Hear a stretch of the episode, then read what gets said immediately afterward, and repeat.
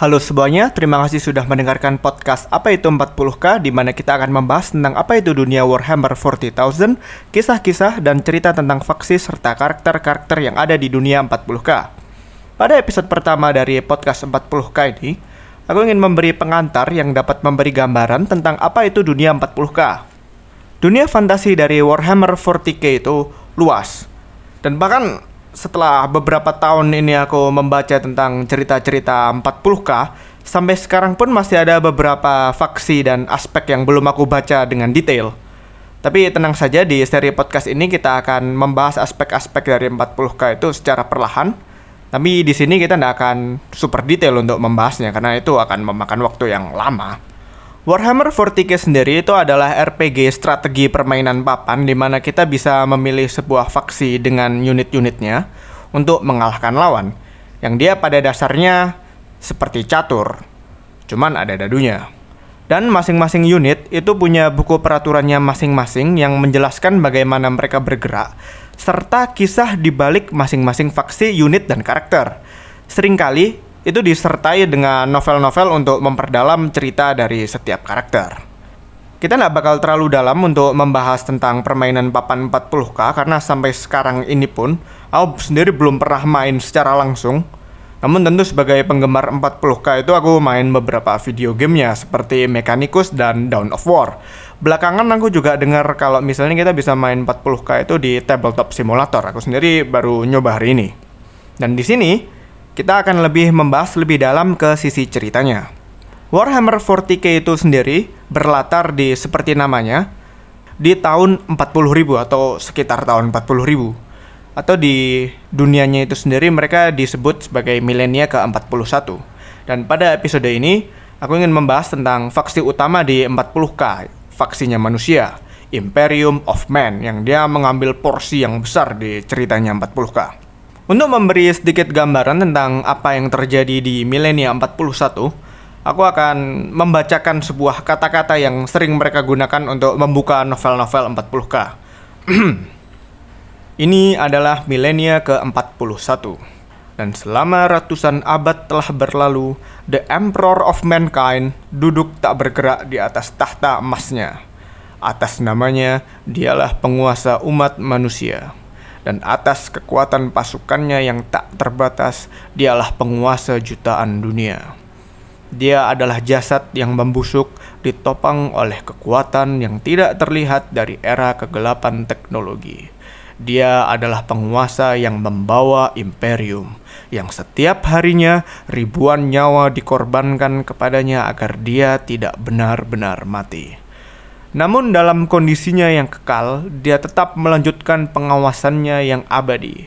Armada-armada agung bergerak melewati dimensi yang dipenuhi oleh iblis dan teror yang tidak dapat disebutkan, satu-satunya rute untuk mencapai bintang-bintang. Jalan mereka diterangi dan dibimbing oleh astronomikan, manifestasi psikis dari pikiran Emperor of Mankind. Pasukan-pasukannya yang agung berperang untuk namanya setiap hari di dunia yang tak terhitung jumlahnya. Yang terhebat di antara pasukannya adalah Space Marine, Adeptus Astartes, tentara super yang dimodifikasi genetik. Berperang bersama mereka adalah pasukan tentara terbesar yang pernah digerakkan di galaksi, The Imperial Guard, Imperial Inquisition yang selalu mengawasi, dan penguasa teknologi Adeptus Mechanicus di antara banyak pengabdinya yang lain. Namun dengan segala kekuatan yang dikerahkan oleh manusia, itu semua hampir tidak sanggup untuk menahan serangan yang selalu terjadi dari alien, pengkhianat, dan yang jauh lebih buruk.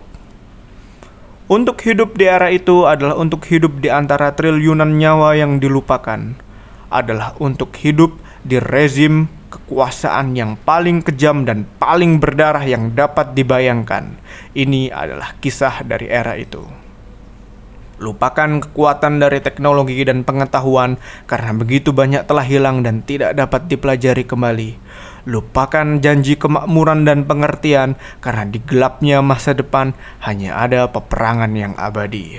Tidak ada lagi perdamaian di antara bintang-bintang, hanya pertumpahan darah dan pembantaian abadi. dan suara tertawa dari iblis yang lapar.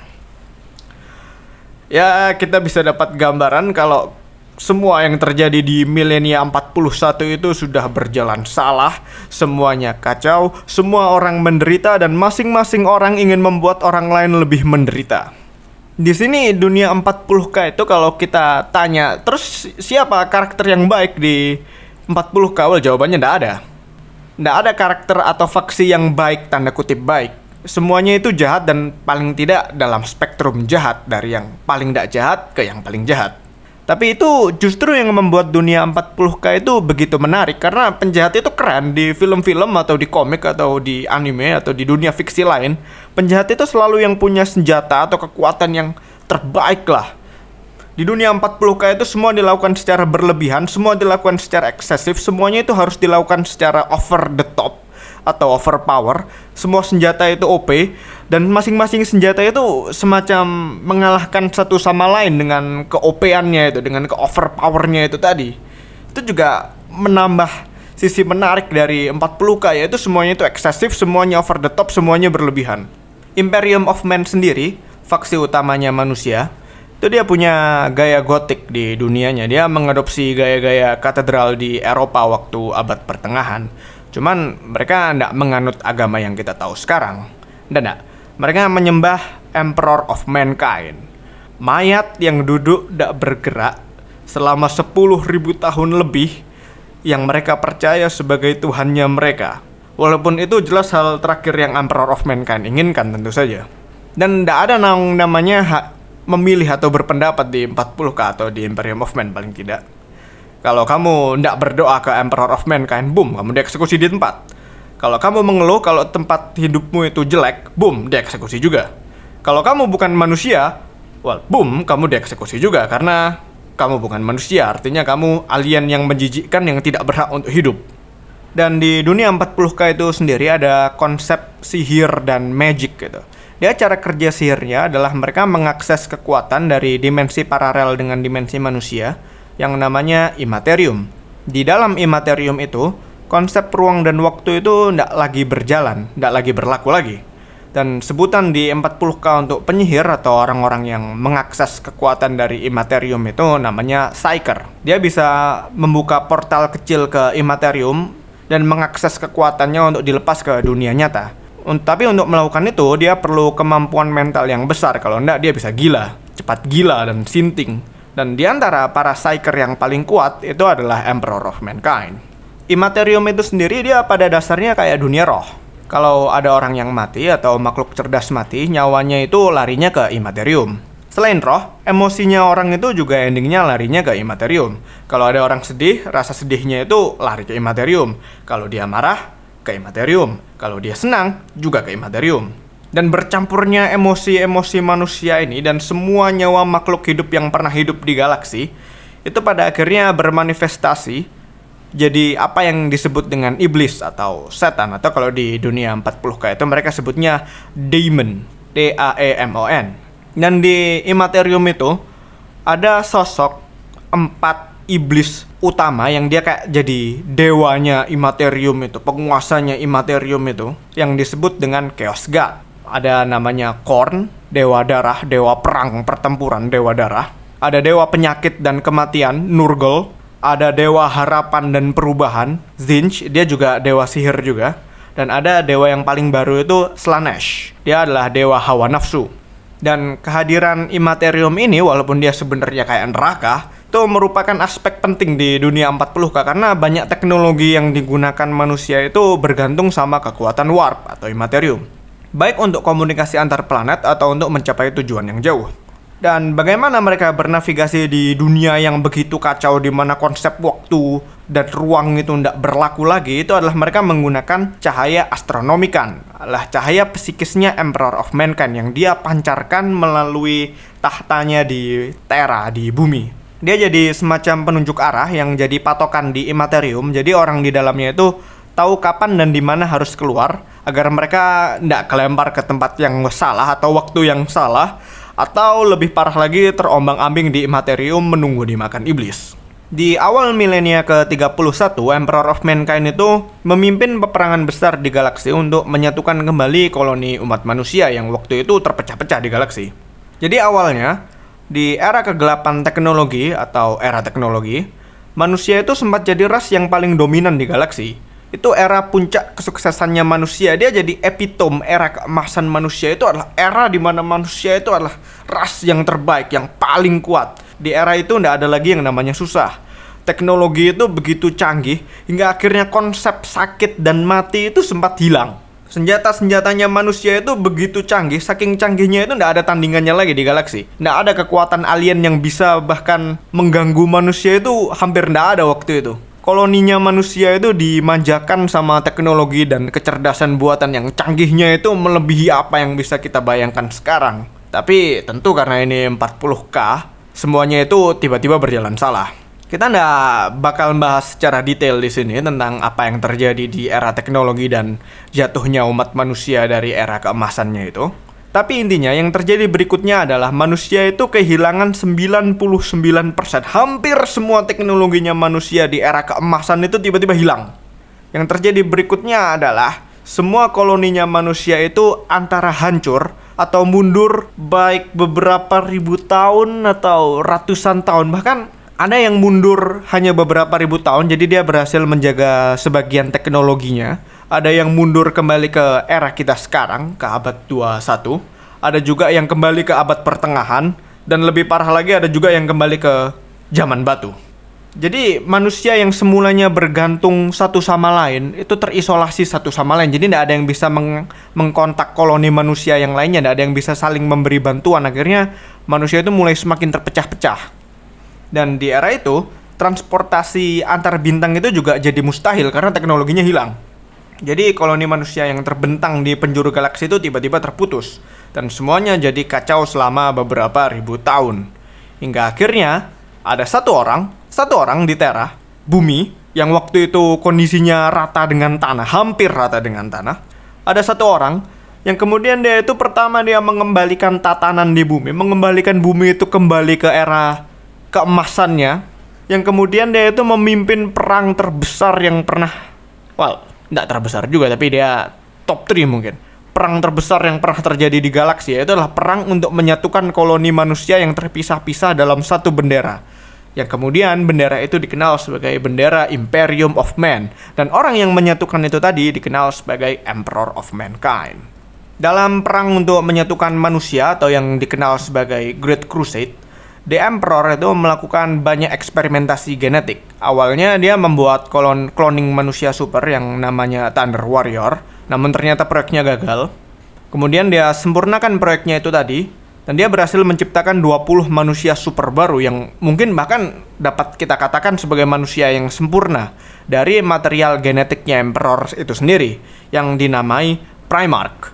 Yang praktis, Primarch ini itu adalah anaknya Emperor untuk membantu Emperor dalam penaklukan ulang galaksi Great Crusade itu tadi.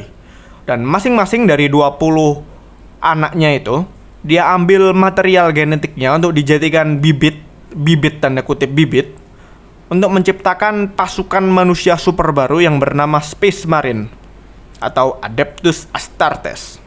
Namun karena tahu ancaman yang ditimbulkan oleh Emperor, Chaos God ini kemudian menculik, tanda kutip menculik 20 anaknya itu tadi dan disebar ke seluruh galaksi. Walaupun dengan hilangnya 20 Primarch ini, Emperor itu tetap memulai Great Crusade. Dan perlahan-lahan anak-anaknya Emperor ini ditemukan. Dan setiap kali Emperor ini menemukan anaknya yang hilang, walaupun akhirnya hanya 18 yang kembali dipersatukan dengan Emperor karena yang dua hilang, mereka bergabung bersama Emperor untuk menjadi baik jadi jenderal perang, jadi penasihat atau diplomat terbaiknya Emperor untuk menyatukan galaksi. Ke-18 Primarch itu tadi kemudian menjadi pemimpin chapter Space Marine yang dibuat dari material genetiknya mereka. Dan kemudian ada beberapa teknologi-teknologi dari abad teknologi itu yang hilang itu kemudian ditemukan kembali dengan bantuan Emperor of Mankind dan Adeptus Mechanicus di Mars. Walau tidak semuanya, tapi yang penting-penting saja. Dan manusia itu hampir mencapai era keemasannya yang baru di bawah pimpinan Emperor bersama anak-anaknya. Namun karena ini 40k, lagi-lagi semuanya itu salah. Jadi ada anak favoritnya Emperor namanya Horus Lupercal, Primarch dia. Dia dimanipulasi sama Chaos God untuk memberontak melawan Emperor. Jadi dia diiming-imingi untuk jadi penguasa galaksi setelah dia membunuh Emperor of Mankind dan untuk membunuh Emperor of Mankind, Horus ini Primarch yang tanpa apa-apa itu dia sudah yang paling kuat di antara Primarch lainnya itu dia juga diberi kekuatan super dari masing-masing empat chaos god ini tadi menjadikan dia itu praktis iblis di dunia nyata. Dan dia Horus ini tadi memanipulasi sembilan saudaranya untuk ikut bersama dia dalam perang saudara terbesar yang pernah dilihat galaksi di mana secara harfiah galaksi itu terbakar. Itu bahkan jadi semboyan perangnya Horus ketika dia melawan Emperor of Mankind. Let the galaxy burn. Dalam perang saudara yang kemudian dikenal sebagai Horus Heresy. Pengkhianatan Horus bahasa Indonesianya mungkin. Dan perang itu menghancurkan banyak sekali yang Emperor of Mankind itu sudah bangun. Teknologi-teknologinya itu banyak yang hilang jadinya. Perang itu berlangsung selama 10 tahun di mana banyak sekali orang mati, baik uh, warga biasa, tentara atau space marine itu mati, baik dia karena perang saudara atau karena dia dikorbankan ke Chaos God sama Chaos Space Marine sama chapternya pemberontak. Dan puncak dari Horus Heresy ini adalah Terra itu dikepung sama chapter dan Primarch pengkhianat. Tapi akhirnya, endingnya, pemimpinnya mereka, Horus, itu berhasil dibantai sama Emperor of Mankind. Namun dalam perkelahiannya Emperor dengan Horus ini, badannya Emperor itu terluka parah sehingga akhirnya Emperor of Mankind itu hampir hampir mati, tipis sekali dia dengan mati.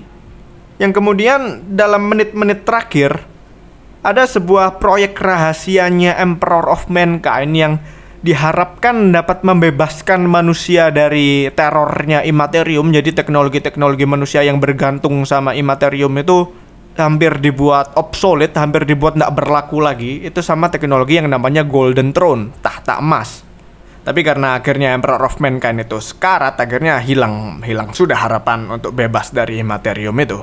Dan Emperor of Mankind itu didudukkan di atas Golden Throne ini untuk menjadi kayak life support sistemnya dia.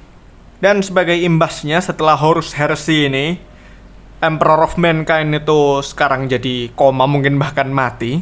Tapi tidak mati juga dia sebenarnya. Dia kayak setengah hidup gitu. Hanya kemampuan psikisnya aja dia yang masih sadar.